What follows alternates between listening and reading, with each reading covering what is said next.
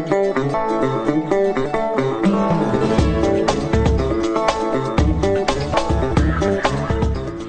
welkom as jy hierdie kenwysie hoor op 'n Vrydagmiddag skuins na 2, dan weet jy dis nou jou geleentheid om jou vraag te vra en om jou opinie te lig vir my ook baie belangrik. So Tristron, baie welkom vanmiddag. Is so lekker om jou in die ateljee te hê. Dankie Lorraine en is 'n voorreg om hier te wees. Ehm um, en hoop ons kan die luisteraars die regte feite gee sodat hulle die regte besluite kan. Ek glo omgaan. Ou net eers gaga, ek hoor daar's 'n verjaarsdag wens. Vertel ons daarvan. Die kliniek Durbanville het vandag dag en datum 26 jaar gelede sy deure wow. geopen. So die hospitaal is 26 jaar oud. So baie geluk vir die hospitaal en ek is baie trots assosieer te kan wees. En dan is dit vroue maand en as 'n mens vir die luisteraars kan sê dat die verpleegsters by ons hoofsaaklik van grootse persentasie van hulle is natuurlik vroue. Ehm um, watter ehm um, verantwoordelikheid hulle vat, watter las hulle dra met die COVID-19 pandemie. Um, hierdie pandemie het 'n siekte na ons gebring anders as enige vorige siekte. In die opsig dat wanneer die pasiënt met COVID by ons toegelaat word, word hulle geneem van hulle families en mm. sosiale kontak. Mm. So hulle ondersteuningsstruktuur is nie daar nie en aanneer of 'n groot gedeelte daarop kom neer op die verpleegsuster wat nou die pasiënt se verpleegsuster is maar ook hulle kommunikasie met mm. hulle trooster die een wat die hande vashou een wat soms die sterkste begeleiding moet doen so vir vroue maand wil ek vir die verpleegs nie net by medikliniek maar by al die hospitale sê ons kan nie sonder julle mm. uh hierdie pad stap nie weet ons as dokters kom in en ons sien die pasiënt en jy spandeer jou tyd maar jy stap weg. Die verpleegster sit heeldag veral in intensiewe sorg langs daai pasiënt se bed. En as ek nou dink aan risiko van oordrag, né, hoe langer jy in 'n COVID behoorlikheid is, hoe mm. hoër is jou kans om siek te word. En die verpleegster is waarskynlik dan die hoogste mm. risiko. En ons het met die eerste vlaag en die tweede vlaag heelwat van ons verpleegsorg uh gesien siek word en moes toelaat in die intensiewe sorg selfs van hulle moes ventileer van my intensiewe sorg verpleegsters het op masjiene geëindig en moes deur hulle eie kollegas ge uh, uh, geondersteun en verpleeg word. Wat anders is met die derde vlaag is dat ons verpleegsorg gesondheidswerkers is uh, omtrent almal ingeënt. Mm. En al het ons van hulle sien wat weer COVID positief sit, het ons nie een weer toegelaat in ons hospitaal nie en het ek nie een van ons eie gesondheidswerkers uh weer in my intensiewe sorg gehad nie. So as ons net na ons eie ervaring, dan moet ek sê die vaksines het vir mense beskerming. Ek die een van die eerste gesondheidswerkers in privaat wat die vaksines ontvang het en ek onthou die absolute gevoel van dankbaarheid mm. wat ek gehad het toe ek die geleentheid kon kry want ek sien daagliks die gevolg van hierdie siekte. Hoe min ons kan aanbied om hierdie patrone te draai, ehm um, en vaksinasie is die enigste manier om ons werklik met veiligheid te beskerm. Nou juis waar ek my gesprek wil begin vandag. Kyk oor die pandemie self. Ek dink mense het al heel wat gesien en gelees daaroor soos ek gesê daar is baie onsekerheid, jy weet, die arme pangolin, hy rol om in 'n bolletjie op. Die slang het nie 'n voet om op te staan nie. Niemand is regtig heeltemal sien. So ons gaan nou eers daaroor gesels nie. Maar toe kom daar inentings. En so vinnig as wat dit gebeur het, het daar weerstand gekom en lyk dit vir my het daar teenkanting gekom. So nou het ons twee kampe van mense wat sê ek wil my laat inent en 'n kamp van mense wat sê ek sal my onder geen omstandighede laat is. Baie van die mense uh, wat met my gesê en almal wat met my gesels op Radio Tygerberg se WhatsApp groep of of SMS ons aanvaar is weergebore en dan is dit mense wat vir my sê die Heilige Gees het my oortuig om my nie te laat inent nie vir my en al my vriendinne 'n uh, partykeer amper by implikasie jy het nog net nie gehoor by die Heilige Gees nie nou dokter is jy is self 'n Christen ek eerste en dan 'n mediese dokter en 'n spesialis die inding en wat betref daai invluistering van die Heilige Gees Kom ons gaan wat is die mense vrees oor die inenting? Is omdat hy sonig ontwikkel het. Ehm um, en hulle vra maar hoe kan so 'n inenting so vinnig deur al die toetse en die proewe kom? En dan is die antwoord dat dit is nie 'n nuwe inenting. Mm. Die koronavirus is familie van die virusse wat vir ons jaarliks griep uh, griep gee. So uh, in jou griepvaksines wat jaarliks toegedien word en onthou die griepvaksines word jaarliks aangepas vir hierdie vaksines dek jaar nie is daar 'n koronavirus is daar 'n adenovirus die corona 19 virus lyk 'n bietjie anders so die platform vir die maak van die virus het reeds bestaan en is aangepas soos wat hulle die mm. griepvirus elke jaar aanpas is hy nou aangepas om die takel of uh, spike proteïen um, te verteenwoordig waarteen jou liggaam moet immuniteit kry. Wetenskaplikes van reg oor die wêreld vir die eerste keer saamgewerk uh om 'n vaksinne te ontwikkel. Regerings en uh groot farmaseutiese maatskappye het miljoene dollars beskikbaar gestel om die proses te versnel om te sorg dat die enstof ontwikkel word. Die wat wat die kliniese proewe betref en die goedkeuring van die FDA of so is daar 'n kort baie gevat en daar's net mm. gesorg dat hierdie nie die leer is wat onder op die hoop lê nie mm. maar dat dit nou die leer is want dit is 'n wêreldwye pandemie en die hele wêreld het saam so die vaksinne is deur al die kliniese toetse is deur al die regulatoriese goed en dit is gemaak op platforms wat reeds bestaan het die ehm um, sekonde studie wat nou in Suid-Afrika gedoen is op gesondheidswerkers. Die voorlopige resultate is vandag bekend gemaak deur professor Linda Gray. 478000 gesondheidswerkers het die Johnson & Johnson vaksinne gekry. Dis die een vaksinne. En hulle kon nou vandat ons dit gekry het, het hulle gesondheidswerkers opgevolg en in Suid-Afrika kan hulle sê dat die Johnson & Johnson vaksinne wat vir die gesondheidswerkers gee, verlaag jou kans om COVID-19 op te tel met meer as 60%, 67% vir die uh, Delta variant en 61% vir die Beta variant. Maar waar sy groot sukses lê, is dat hy verlaag die kans dat jy in die ICU gaan lê of dat jy sal doodgaan met meer as 96%. Nou dokter, is dis nou die sesonkie studie, ja. maar ek weet uh, dokter Keith Kloete het nou die aand gesê dat in hulle ervaring, mense wat eindig in die ICU en op suurstof en op ventilators. Hy het gesê nie een van hulle nie of feitelik nie een van hulle is ingeënt nie. Vertel ons 'n bietjie daarvan net om daai perspektief te skep. Ja, ons het presies dieselfde ervaring by ons in Medikliniek Durbanville dat ek het nie 'n ingeënte persoon wat volledig ingeënt is mm. wat by my in die intensiewe sorg opgeëindig het nie. Ehm um, ek het wel een of twee pasiënte toegelaat wat ingeënt is wat wel COVID gekry het. Die meeste van hulle het dit gekry binne die eerste 2 weke na hulle inenting. Met ander woorde, die inenting het nog nie kans mm. gehad om vir hulle immuniteit te mm. gee nie. En dit moet die luisteraars mooi besef dat as jy ingeënt word, as jy Johnson & Johnson vaksinne kry, na 14 dae is jou kans om siek te raak met amper 60% reeds verlaag. Maar na 28 dae is jou kans om ernstig siek te raak met meer as 78% onderdruk. En na 280 dae is dit meer as 95%. Sjoe.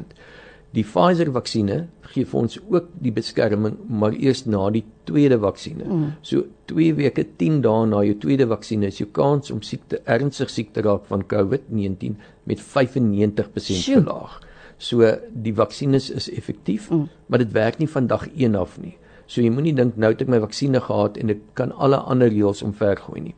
En hy onthou hy gee nie 100% beskerming dat jy nie COVID gaan kry nie. So jy kan nog steeds COVID kry. Mm jy gaan net nie so siek word nie. Mm. Jy kan ook nog steeds die virus versprei nadat jy ingeënt is, maar jou kans om die virus te versprei is 23% laer as die groep wat nie ingeënt is nie ook 'n belangrike stukkie inligting waarna toe ons nou gaan terugkom. By my in ateljee vandag het ek vir dokter Rustron. Hy's 'n spesialis in interne geneeskunde en ons gesels met jou oor die inenting. Ek gaan nou sommer so een of twee of drie vragies vra want dit is verskriklik baie. Laat ons net kyk of ons so ver as moontlik kan kom. Hierdie persoon sê as ek die vaksines neem, sal dit my beskerm teen alle virusse. Ek neem aan nou COVID virusse in die toekoms. Ehm um, dis 'n belangrike vraag wat iemand het en dan sê iemand anders baie dankie vir die geleentheid 1. Hydroxychloroquine kan 'n mens dit sonder voorskrif kry en is dit beskikbaar by apteke? Tweedens, Ivermectin, is dit nou beskikbaar en goed gebruikeer vir gebruik en kan enige dokter dit voorskryf? Goed, dis twee vrae. Die een is oor alternatiewe, kan ek dit voorkomend gebruik ensovoorts? Hydroxychloroquine en Ivermectin en dan die tweede een, as ek nou ingeënt is, is ek nou immuun teen alles. Nee, die inenting gee nie vir jou immuniteit teen alle virusse nie. Mm. Hierdie is virus spesifiek, so dit is vir die corona 19 virus want hy's gemaak om daai sogenaamde stekelproteïen mm. uh, te identifiseer. Goed. So hy gaan nie vir jou teen 'n griepvirus beskerm nie. Die gewone ou griep nie. Maar die mm. gewone griepvaksines gaan vir jou klaar gedeeltelike beskerming gee teen corona. So moenie jou jaarlikse griepvaksines uh, nalat nie. Jy kan die twee vaksines, die griep en die koronavirus uh, selfde seisoen kry, 'n minimum van 14 dae uitmekaar uit.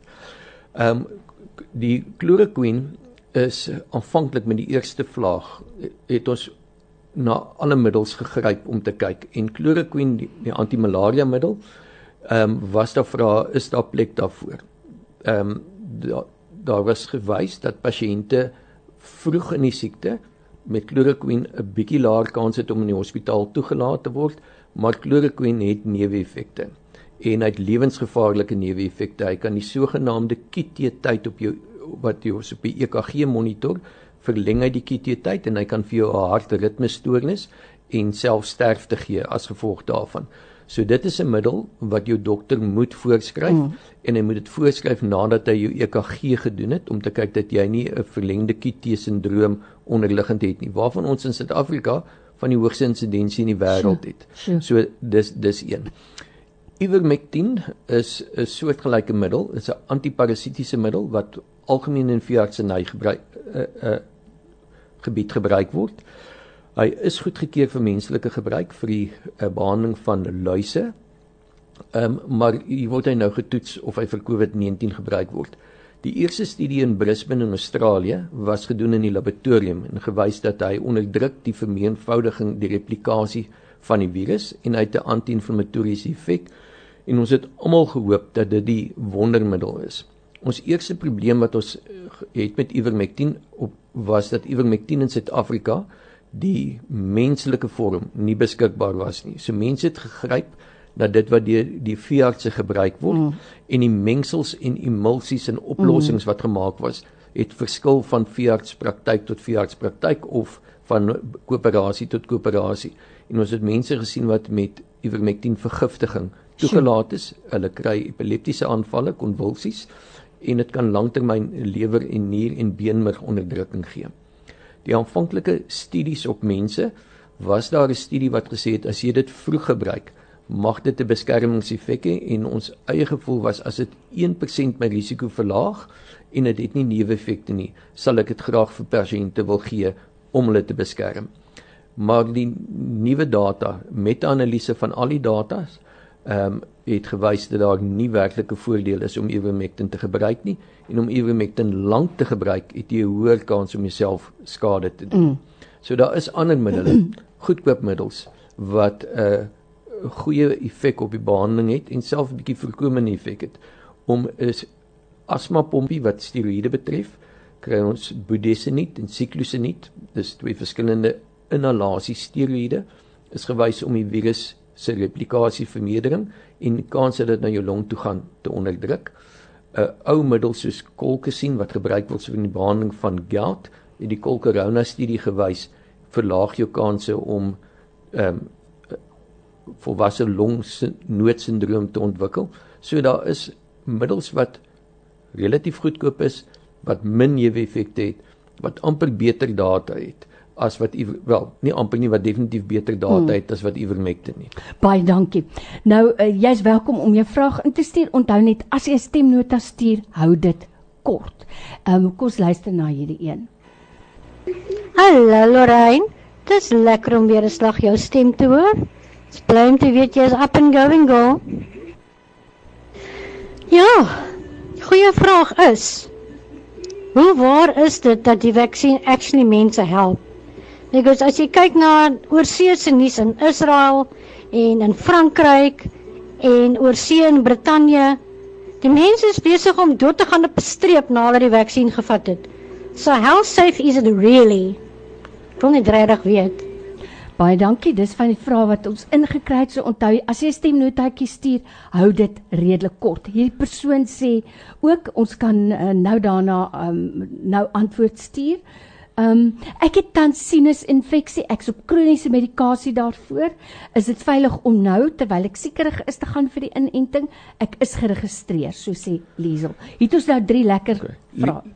Liesel se vraag is die maklikste om te antwoord. Mm. As jy 'n sinusinfeksie het en dit is net sinus en nie korona nie, dan is dit veilig om die vaksinne te kry. Mm. Maar ongelukkig kan jou sinus wat jy beskou as sinus kan wel korona wees mm. en dan is dit beter om eers 'n toets te hê wat sê dit is negatief en dan te gaan vir jou vaksines. So dis nie 'n kontra-indikasie nie. Die data oor Israel, uh Verenigde Koninkryk en Portugal is die lande in Europa wat die hoogste vaksinasiesyfers het op die oomblik. En ehm um, dit is korrek dat daar nou weer 'n toename in nuwe infeksies is in hierdie lande en die insidensie het nou opgegaan na 50 ehm um, per 100 000 van die bevolking, so dit is amper weer 'n 2 vierde piek. Ehm maar hulle sterftesyfer is af na 0,005 Sjoe. per 1000. Mm. So dit is nie waar dat sterftes weer toegeneem het nie. Inteendeel sterftes het afgeneem alhoewel mense weer ehm, 'n um, toename in die koronavirus uh infeksies sien. En hoekom kan sien hulle die toename in infeksies? Ons het almal gesien ehm um, met die ehm um, uh, sokker in Brittanje met die ehm um, fietsry in Frankryk dat mense nie meer die gewone reëls mm. gehoorsaam nie. So maskers word nie meer gedra nie. Uh sosiale afstande word nie meer gehandhaaf nie. En dit dieselfde het in Amerika gebeur en dit is hoekom die regulasies daar nou weer aangepas is en gesê maskers in openbare plekke is nou weer ver, verpligtend so hulle te vinnig hulle reëls wat val. Toename in infeksies, maar nie toename in sterfte of 'n toename in hospitalisasie nie. Inteendeel in Massachusetts is die onlangse data gepubliseer dat sê minder as 1% van hospitalisasie is in gevaksineerde gevalle. Wow. Wow, dis baie belangrike inligting om te hê.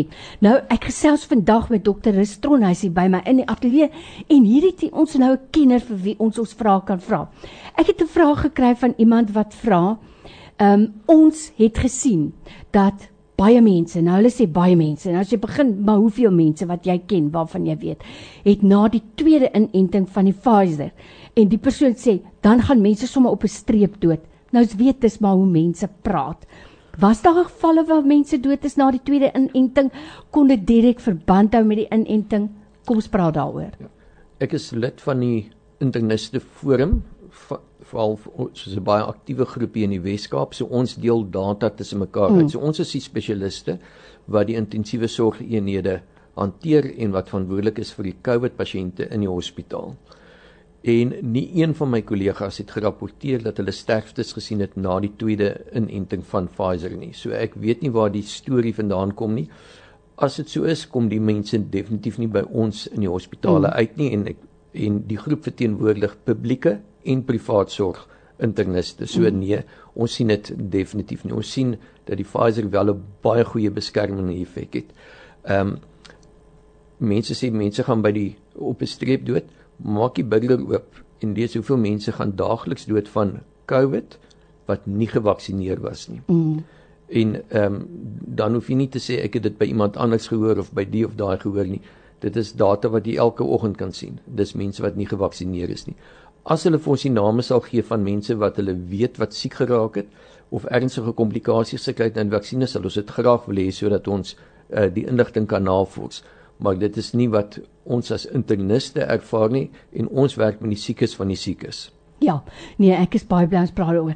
Kom ons kom gou. Hier is nou 'n belangrike vraag. Hierdie persoon sê, "Wat word beskou as close contact?" Van my kollegas misbruik die isolasie tydperk verlof betaalde verlof bo op hulle gewone verlof en hulle siekverlof. Hulle stuur net positiewe verslae van mense met wie hulle in kontak was.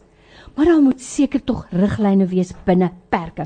Nou hierdie persoon, ek is so bly want dis ook een van die vrae wat ek wou vra. Kom ons praat 'n bietjie oor isolasie want ek dink dokter het vir mekaar sê dit is nie 'n grap om COVID-19 op te doen nie. Dit is 'n mens wil die siekte vermy. So 'n van my kollegas misbruik die isolasietydperk verlof want hulle sien dit as betaalde verlof bo op 'n gewone verlof en hulle siekverlof. Hulle stuur net positiewe verslae van mense met wie hulle in kontak was. Hoë risiko kontak is wanneer jy in 'n nabye kontak nader as 1,5 meter langer as 15 minute sonder PPE, met ander woorde sonder maskers of uh, met die persoon in kontak was, 'n persoon wat simptomaties siek was. Dit word beskou as 'n hoë risiko kontak en die persoon moet 8 na 10 dae isoleer. Ehm um, of as 'n persoon ehm um, vinniger wil terugkom werk toe, moet hy na 'n dag in kontak 'n negatiewe COVID toets hê, dan is daai persoon ook veilig. So jy en wanneer hoe lank is isolasie? Isolasie is vandat die persoon simptome gekry het, 10 dae simptoomvry, dan soos jy is nie meer aansteeklik nie. Dis dis baie belangrik. So sê ek is amper 80 jaar oud, ek is 'n diabetes. Is dit veilig om my te laat inent? Dit is 'n duisend maal meer veilig om hmm. ingeënt te word as wat daardie persoon gaan kry, want omdat hy 80 is en omdat hy diabetes is, sy kans om ernstig siek te raak baie baie groter. Sjoe, ja, dit dit is groot storie. Jy's ingeskakel op Radio Tygerberg op 104 FM. Dis 23 minute oor 2. Dis ons weeklikse program Wat sê jy? Ek het 'n kenner by my in die ateljee vandag. Ons gesels met jou oor COVID in die algemeen, COVID-19, die wêreldwye pandemie, maar spesifiek ook vandag oor inenting. So moenie weggaan nie. Ons is nou weer terug bly ingeskakel en as jy intussen 'n vraag het, kan jy dit stuur met 'n SMS 32716 kos rand of jy kan vir ons 'n WhatsApp stuur of 'n stemnota 0824041104. Hou jou vraag kort anders gaan ons nie daarbey kan uitkom nie.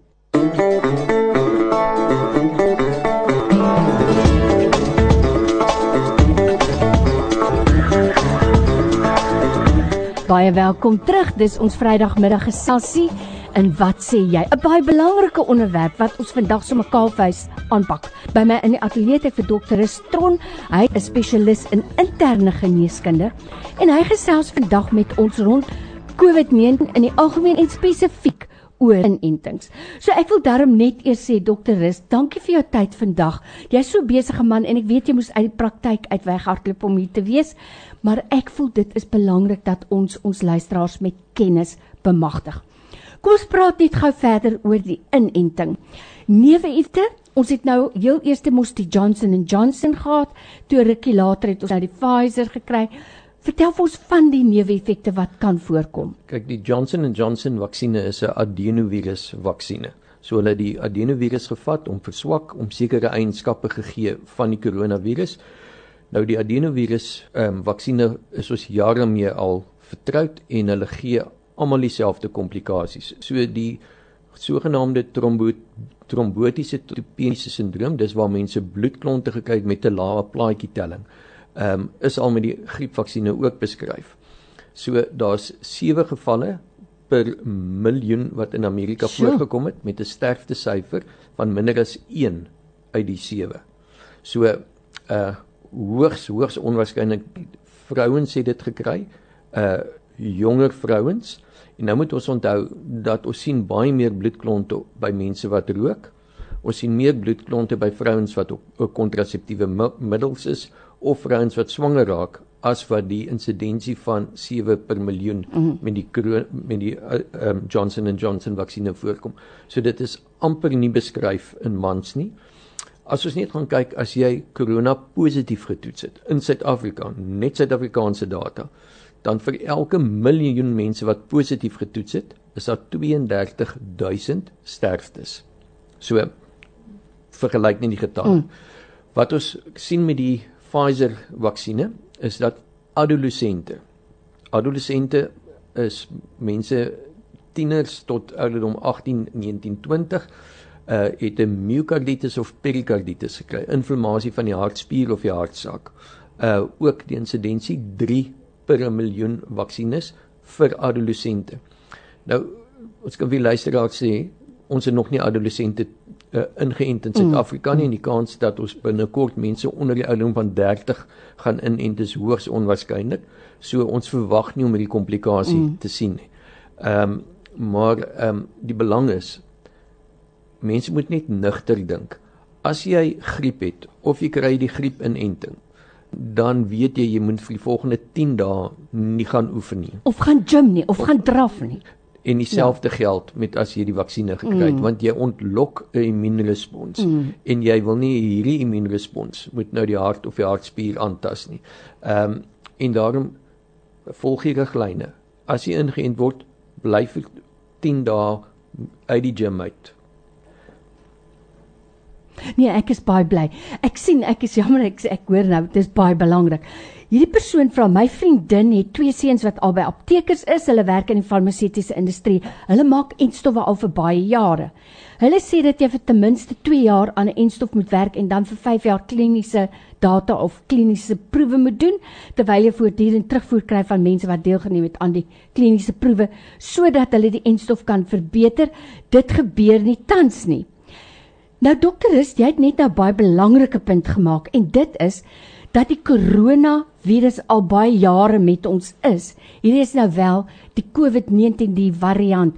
Maar met ander woorde daar word al vir jare op koronavirusse proewe gedoen, is ek reg? Dit is reg en dat ons die koronavirus as deel van ons griepvirus vaksines hmm. reeds jare lank 'n vaksines teen hom maak, 'n vaksines wat jaarliks aangepas word vir wat ons noem antigeniese drywing en skuwing of die sogenaamde mutasies en nou het ons 'n spesifieke mutasie wat die corona-19 pandemie veroorsaak het. Die Oxford studie het gewys dat ehm um, ons nog mutasies gaan sien. Ons het begin met alfa, eh, die tweede vlaag was beta, ons is op die oomblik delta. delta. Daar's sekere lande wat al lambda rapporteer. Mm. En ons moet besef dat uh, die Oxford studie het gewys dat mense wat ingeënt is, die virus se kans om binne in die persoon te muteer na 'n nuwe uh, mutant toe is baie klein. Baie hoër kans dat hy gaan muteer in jou ongevaksinerde persoon, maar daar's nie 'n immuunrespons wat die virus vashou nie. So dan kry ons 'n nuwe variant en dan word ons almal weer van voor af blootgestel. So dit is een van die gevare van om nie in om 'n bevolking nie in te ent nie is dat ons 'n nuwe mutant van hierdie virus gaan sien. Sjoe, dis dis vir my regtig 'n baie baie belangrike punt wat jy nou daar maak. Daar kom ons terug daarna toe. Hierdie persoon sê, is daar 'n verskil tussen die twee, die Pfizer en die Johnson & Johnson? Want die persoon sê ek is nou geregistreer vir vir ek is nou geregistreer. Met ander woorde, 'n paar mense het vir my ook afvra, wat sou jy voorstel? Moet ek gaan vir die Pfizer of die Johnson & Johnson? Ongelukkig het die meeste van ons nie keuses nie mm -hmm. wat die tipe vaksinne betref nie. Die belang is vaksineer so gou jy kan. Dit is twee verskillende vorms van vaksinne. Die een is die adenovirus en die een is 'n boodskapper RNA uh uh prototipe uh, vaksinne. So dit is verskillende vaksines. Ehm um, weer eens het die Britse data gewys dat as jy nou 'n uh, ek sit in aanhalingstekens 'n top-up of 'n skraagdosering kan kry en jy kan dit van die ander groep kry. So as jy nou adenovirus gehad het en jy kan nou gaan na boodskapper RNA, dan is jou immuunrespons soveel beter en as jy mm. het jy selfs beter beskerming teen 'n wye verskeidenheid van die moontlike mutasies. Sjoe, dis dis ook net so belangrik. Hierdie persoon sê my seun is 'n apteker twee van die aptekers wat die vaksines geneem het, is afsiek vir 14 dae. En nou weier my seun om die vaksines te neem en hy's nog gesond. So mense wat siek raak, ehm um, sogenaamde amper COVID light syndroom ontwikkel na die vaksines. Dit onder jy word ingeënt, môre het jy koors, lyfseer en jy voel jy lekker. simptome. Het baie hoë waarskynlikheid dat hulle COVID reeds gehad het want hulle het nou 'n oordrewe immuunrespons teen die vaksines. So. Nou is jou vraag gee die COVID COVID infeksie vir ons voldoende beskerming dat as ek korona gehad het, hoef ek nie meer ingeënt te word nie. En die New England Journal of Medicine, dit is amper die Bybel van Bybel van mm. van dis waar ons al ons groot studies en artikels probeer inkry om gepubliseer te word. Nou het in die laaste week 'n artikel gepubliseer wat wys dat die koronavirus onderdruk jou T-sel immuunrespons. Jou T-sel het jy nodig as jou geheue selle om te sê, "Wou, ek ken hierdie infeksie. Ek weet hoe om hom te beklei en jou liggaam te aktiveer." So jou verworwe immuunrespons nadat jy die koronavirus gehad het. Een is meer virus spesifiek. So hy gaan nie dek teen 'n wyde verskeidenheid van die koronavirus nie. So hy gaan nie delta en beta dek mm. nie. En twee dit hou baie korter omdat die mm. geheue sel onder druk is. So die vaksinne gee vir jou 'n beter immuniteit en 'n langer immuniteit. Mm. En as jy die virus gehad het en jy kry nou 'n inenting, het jy baie beter immuniteit as die persoon wat nie die virus gehad het nie. Dis eh, eh, ek is so bly dat ons vandag so openhartig hieroor kan gesels. Want jy weet dokter Rust, ek het eendag sê dit dit is vir my byna asof mense wat die vaksines teen staan. Hulle verdra nie die feit dat jy die vaksines voor staan nie. Hulle is beledigend, hulle is neerbuigend, hulle ehm um, is uh, agterdogwekkend en hulle is sommer net beledigend. Terwyl mense wat die vaksines voor staan aanvaar dat sekere mense dis jou goeie besluit of jou goeie reg om dit nie te hê nie. Maar nou is my vraag, gaan daar dalk 'n tyd kom wat mense wat besluit om hulle nie te laat inent nie, uh van sekere miskien plekke of reise of iets gaan weerhou word want jy het nou 'n baie belangrike ding gesê en dit is dat mense wat kies om hulle nie te laat inent nie as hulle die virus opdoen en hulle gaan daar's nou nie 'n kwessie daaroor ons gaan dit maar een of ander tyd kry. Dat daai virus slim raak binne in hulle liggaam omdat hulle nie ingeënt is nie. En hy muteer. Hy kan lekker daar van van strepe verander daai jakkals. En en dit maak hom gevaarliker as 'n persoon wat ingeënt is. Lorraine, my eerste doel hoekom ek vandag hier is, is omdat ek graag wil voorkom dat mense siek raak. Mm. En ek glo opreg dat die enigste werklike veilige manier om dit te doen is om te vaksineer. My vraag aan die persone wat nie wil inent nie is, het jy vir my enige alternatief om te keer dat jy gaan siek word of mense rondom jou gaan siek word? en uh, en ongelukkig is daar nie 'n effektiewe alternatief nie. Ehm um, ek kyk daagliks na al die data. Daar as daar was, sou ek dit vir jou voorgeskryf het. So ek probeer keer dat mense siek raak. En ek kan nie verstaan hoe mense een ehm um, my nie glo as ek praat oor die vaksines nie, maar as hulle siek raak van iets anders, dan kom hulle na die internis toe. Of as hulle hmm. of as hulle siek raak van corona, dan hmm. skielik is ek goed genoeg en vertrou hulle dit wat ek vir hulle inspuit en niemand vra het ook kan ek 'n studie sien oor die antibiotika wat jy mm. gaan gee of wat jy nou in my aar gaan inpomp of hulle soek nie studies of datas nie maar as ek praat oor die vaksines dan wil hulle studie data hê en daar is reeds baie mm. baie data onthou daar's al meer as 3 biljoen vaksines wêreldwyd toegedien ons in Suid-Afrika is laat met die vaksines wat ons die voor, voordeel gee is dat ek kan terugkyk na wat het in Amerika gebeur, wat het in mm, Engeland mm. gebeur, wat het in Israel gebeur. So ek kan die effektiwiteit van die vaksines sien. So ons praat van studiedata en dan praat ons van real world data. Nou real world data is baie meer kragtig. So ek kan sê in in Israel is 76% van die bevolking ingeënt alhoewel daar nou nuwe infeksies is, is dit 'n sterfte syfer bestaan mm, amper nie. Mm. Hulle het nie meer mense in die intensiewe sorg as gevolg van koronavirus nie. So ons het die data en ehm um, so ek ek pleit by die ouens wat nie wil vaksineer nie dat hulle vir my sê hier's 'n alternatief, mm. maar een van hulle het dit om te sê nie. Jou vraag is oor gaan hulle mense verplig om ingeënt te word of beperk as jy nie seker goed nie. Nou dit is waar sekere mense dit uit die Bybel uit probeer uit verband uitdruk en sê nou kom ons by die merk van die dier in die 666 en hierdie het niks daarmee mm. te doen nie. Dit mm. gaan oor suiwer oor veiligheid.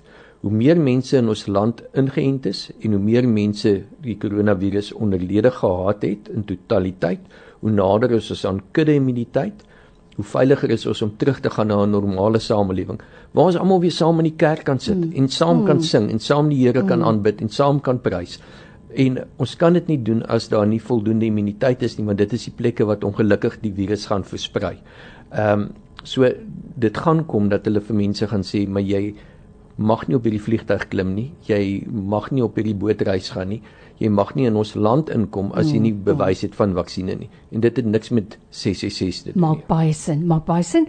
En ek verwys weer terug Dr. Raymond Lombard het uitstekende gesels juis daaroor is COVID-19 inenting die merk van die dier. En as jy dit nog nie gekyk het, jy gaan gerus na die YouTube kanaal toe. Raymond Lombard Ministries is die inenting die merk van die dier uitstekende inligting daar. Hier's 'n belangrike vraag. Ek is allergies vir penicillin en Perbac en Sulfa is dit veilig vir my om die vaksinne te kry en ek het boonop diabetes en hoë bloeddruk.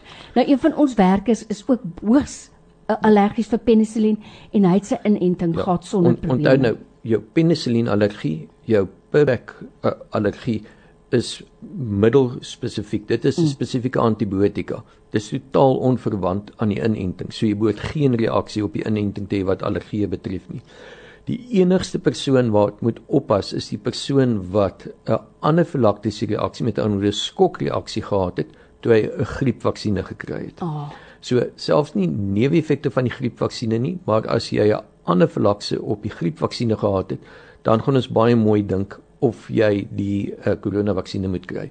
Die tweede groep van mense wat ek sê moenie net instap vir jou vaksines nie, is mense wat Guillain-Barré ontwikkel het. O ja, ja. En, en onthou daar's geweldig, daar's nie geweldig nie, 14 per miljoen inentings van die griepvaksines ontwikkel Guillain-Barré. Guillain-Barré is waar jou liggaam se immuunstelsel die langsenuwees aantas en jy verlam raak. En ons sê as jy Guillain-Barré gehad het, dan wil ek graag kyk na jou komorbiditeite om te besluit wat is jou grootste risiko die pasiënt wat jy nou gesê het met die allergie vir die penicillin en Perbec en sulfa en sulfa mm. is 'n diabetes, het hoë bloeddruk, so hulle het reeds komorbiditeite. Beter dat hulle gevaksinereer ja. word. Ja, baie goed. Ehm um, hoe lank nadat jy COVID gehad het, jy gaan vir ding die eerste een of die tweede een, hoe lank na? 4 weke nadat jy COVID gehad het. Van die jy, begin van jou COVID. Vandat jy simptoomvry is. Jou simptome begin verbeter het kan jy jou inent. 4 weke daarna baie goed. Hierdie persoon sê kan ek gaan vir die inspuiting as ek verkoue het en grieperig is op die oomblik. Dis is wat ons net maar geantwoord het. Jy moet gaan uitskryf dat jy nie korona het nie die persoon wat aktiewe korona het, wil ons nie inent nie want die immuunstelsel kan oorgestimuleer word mm. en 'n oorgestimuleerde immuunstelsel is wat die sogenaamde sitokien storg gee en dit is wat die pasiënt met longversaking en nierversaking se sorg laat toelaat. Ja, so met ander woorde, as jy grieperig is, moet jy net verstaan, die kans dat jy COVID onderlede het, is daar. Laat toets jou eers. Ek, ja, baie goed. Goed. Hierdie sê my dogter is geneig tot bloedklonte. Sy het verlede jaar 3 gehad as gevolg van 'n siekte wat haar bloed verdik. Sy is al jare op warfarin. Kan sy die inenting ontvang? Sy het faktor 5. Ja, Leiden faktor 5 verhoog jou risiko om bloedklont te kry 3 tot 5 voudig. Die feit dat sy warfarin is, gee haar die voldoende beskerming. So die kans vir om bloedklonte te kry is amper 0. Sy het 'n middel wat dit teewerk. So sy kan gaan sy kan, ja. kan 'n mens meer as een keer COVID kry? Pasiënte toegelaat met die eerste vlaag, daai selfde pasiënt in die tweede vlaag toegelaat en selfs nou weer met die derde vlaag en dit is omdat ons dasie sien. Want beta virus was die een wat verantwoordelik was uh, vir die vlaag wat ons in Desember gehad het. Ons sien nou die delta virus en dis wat ek net maar gesê het is dat as jy COVID gekry het en jy die beta mutant gehad, beskerm hy jou nie voldoende teen die delta nie en die beskerming wat jy het gee vir jou waarskynlik net 'n 3 maande beskerming. So ja, jy kan weer kry. En daarom is die vaksin en daarom is dit waarskynlik en gaan dit so word dat ons waarskynlik soos met griep jaarliks uh, gevaksin uh, inentings kry. Mense hoop dat soos die virus muteer en aanpas dat sy graad van infektiwiteit en sy intensiteit met hoe seker jy gemaak gaan afneem. En dit het gebeur met voëlgriep en die varkgriep. Die eerste keer wat die vlaag in 2003 en die uh, vlaag in 2008 verbygekom het, het mense dit gaan van die voëlgriep en varkgriep. Die daarna het die immuniteit plus die virus het verswak. Ebola virus het 'n mortaliteit gehad van omtrent 90%. Mm, mm. Ebola se mortaliteit sterfte syfer sonder behandeling het nou afgegaan na 45%. Natuurlik baie hoog baie baie hoog as soos wat dat die ja, koronavirus se ja. mortaliteit is 3%, want dit sê net dat of die liggaam die mens aan of die virus vershoop en bid dat hierdie virus ja, verswak. Absoluut. Hier's 'n persoon wat sê, uh dokter Rus nou is 'n alternatief vir die inenting hierdie persoon sê daar is besantig en daar's baie ander mense wat afwerk Jesus is inenting. My teenvraag is Het jy huisversekering? Het jy motorversekering? Ja. Is jy op kroniese medikasie? Kyk, ek sê die res van die wêreld bel 911 911 as hulle in die moeilikheid is. Ek glo hmm. 90 vers 1, dit is waar my hulp en beskerming vandaan is. Ek het gebid op my knieë tydens die tweede vlaag. Dis swees tot die 10de Januarie het ek aan een gewerk in die intensiewe sorg. Ek het gesien hoe my siek Daar is daar nie met ek nie inenting. Al wat ek kon doen was die PPE soos mm. baie van my kollegas en ek het vir my kollegas en verpleegsters gesien wat siek raak wat presies dieselfde doen as ek en ek het gebid dat ek een onder die beskerming van die uh, bloed van die Here kan bly. Mm. En toe het ek gebid vir 'n oplossing. En toe kom ek by toe die inenting kom, toe toe is ek ook aanvanklik huiwerig en toe kom dit met my op sê as jy wat 'n pa is om vir jou seun brood te gee as hy honger is en nie 'n klip te gee nie of 'n vis te gee en nie 'n slang nie, sê Lukas. Hoeveel te meer sal ek weet wat om vir jou te gee? En ek het gegaan en ek het die inenting gevat en gesê ek het gebid hiervoor. Mm. Here het vir ons 'n oplossing gegee. Hoe kan ek dit dan nou teruggooi? Twee het ek gegaan en gesê ek is gehoorsaam aan die autoriteit wat oor my gestel is as Christen. En ek glo dat as as die Bybel sê as jy gehoorsaam is aan autoriteit, eer die Here jou gehoorsaamheid. As jy gehoorsaam is, sal die Here die medisyne gebruik mm. om jou gesond te maak. Ek gaan kyk na die 10 melaatses. Al 10 is gereinig van hulle siekte. Maar net een is heel gemaak. Toe hulle die Here Jesus gevra het, "Wat is die grootste gebod?"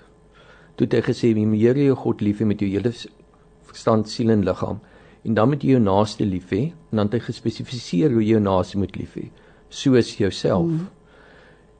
En deur die inenting te neem, beskou ek dat ek immuniteit het is die kans dat ek my naaste gaan siek maak soveel kleiner. So ek doen dit in liefde om my naaste ook te beskerm. So die dag toe ek my inenting gevat het, het ek gesê Here, ek neem dit in gehoorsaamheid. Ek neem dit in dankbaarheid en ek neem dit in liefde. Daarom het ek en daarom glo ek dat ek is deur die eerste vlaag, deur die tweede vlaag en ons is nou in die midde van die derde vlaag. Wie die tweede vlaag het ons getref 22 Desember het hy in die Kaap ontplof. Die 10de Januarie het hy soos 'n kraan toegedraai, die getalle net so afgegaan. Met ander woorde is dit 2-3 weke piek. Ons is nou 8 weke in 'n piek uh by ons in die hospitaal in in die in die Weskaap. Ons getalle gaan nog nie af nie. Ons is nog in die midde daarvan. Mm. Ons het die boot gemis wat vaksines betref tussen die tweede en die derde vlaag omdat die vaksines nog nie beskikbaar was nie oor almal vrae gehad het die enigste manier hoe ons die vierde vlaag wat voorspel word volgens die epidemioloog om ons in November Desember te tref effektief te kan 'n kleiner piek hou is om te sorg dat meer mense die vaksines kry om te keer dat daar nuwe mutasies kom en dat ons ons hospitale kan beskerm. Wie die persoon wat nie gevaksinereer is nie, my vraag is as jy gekies het om nie die inenting te kry nie, Nou kom jy nog hospitaal toe. Ek behandel jou daar. Maar nou die persoon wat 'n ander siekte ontwikkel. Ons sê ek 'n bed omdat 'n persoon my bed in intensiewe sorg geneem het. Ehm um, so jou besluit om nie te vaksinereer nie het nie net 'n effek op jouself nie, maar mm. ook op die mense mm. rondom jou. Ek moet sê en dokter is Ek seker jy ook soos ek en my man en ander het reg van die begin af het ons Psalm 91 omhels en gevat en elke dag gestaan daarop. Tog het ons gekies onder leiding van die Heilige Gees ook. Ons het dit bidend gedoen en soos wat ons alle ander medikasie neem, ek moet Eltraxe neem. Alle medikasie wat ons neem, ons seën dit en ons neem dit in in in onder gebed met gebed daarmee saam. Onthou nie een dokter kan gesond maak nie. As jou arm gebreek is, kan ek hom in gips sit, maar ek kan hom nie laat vasgroei nie. Mm. As jy 'n longontsteking mm. gekry het, kan ek vir jou antibiotika gee om die kiem dood te maak, maar die effek van die kiem op jou liggaam kan ek niks aan doen nie. So ek glo die enigste wat kan gesond maak is die Here. En ek glo hy gebruik ons as instrumente en dit gaan my verstand te bowe dat daar mense is wat ander uh, motiewe sien um in hierdie pandemie uh, en hulle dit anders wil hanteer en beskou as ander siektes.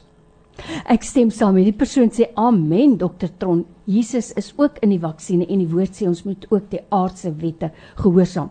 Ten slotte wil ek nou net gou dit hoor. Um 'n persoon wat vra ek het epilepsie. Ek het emfyseem.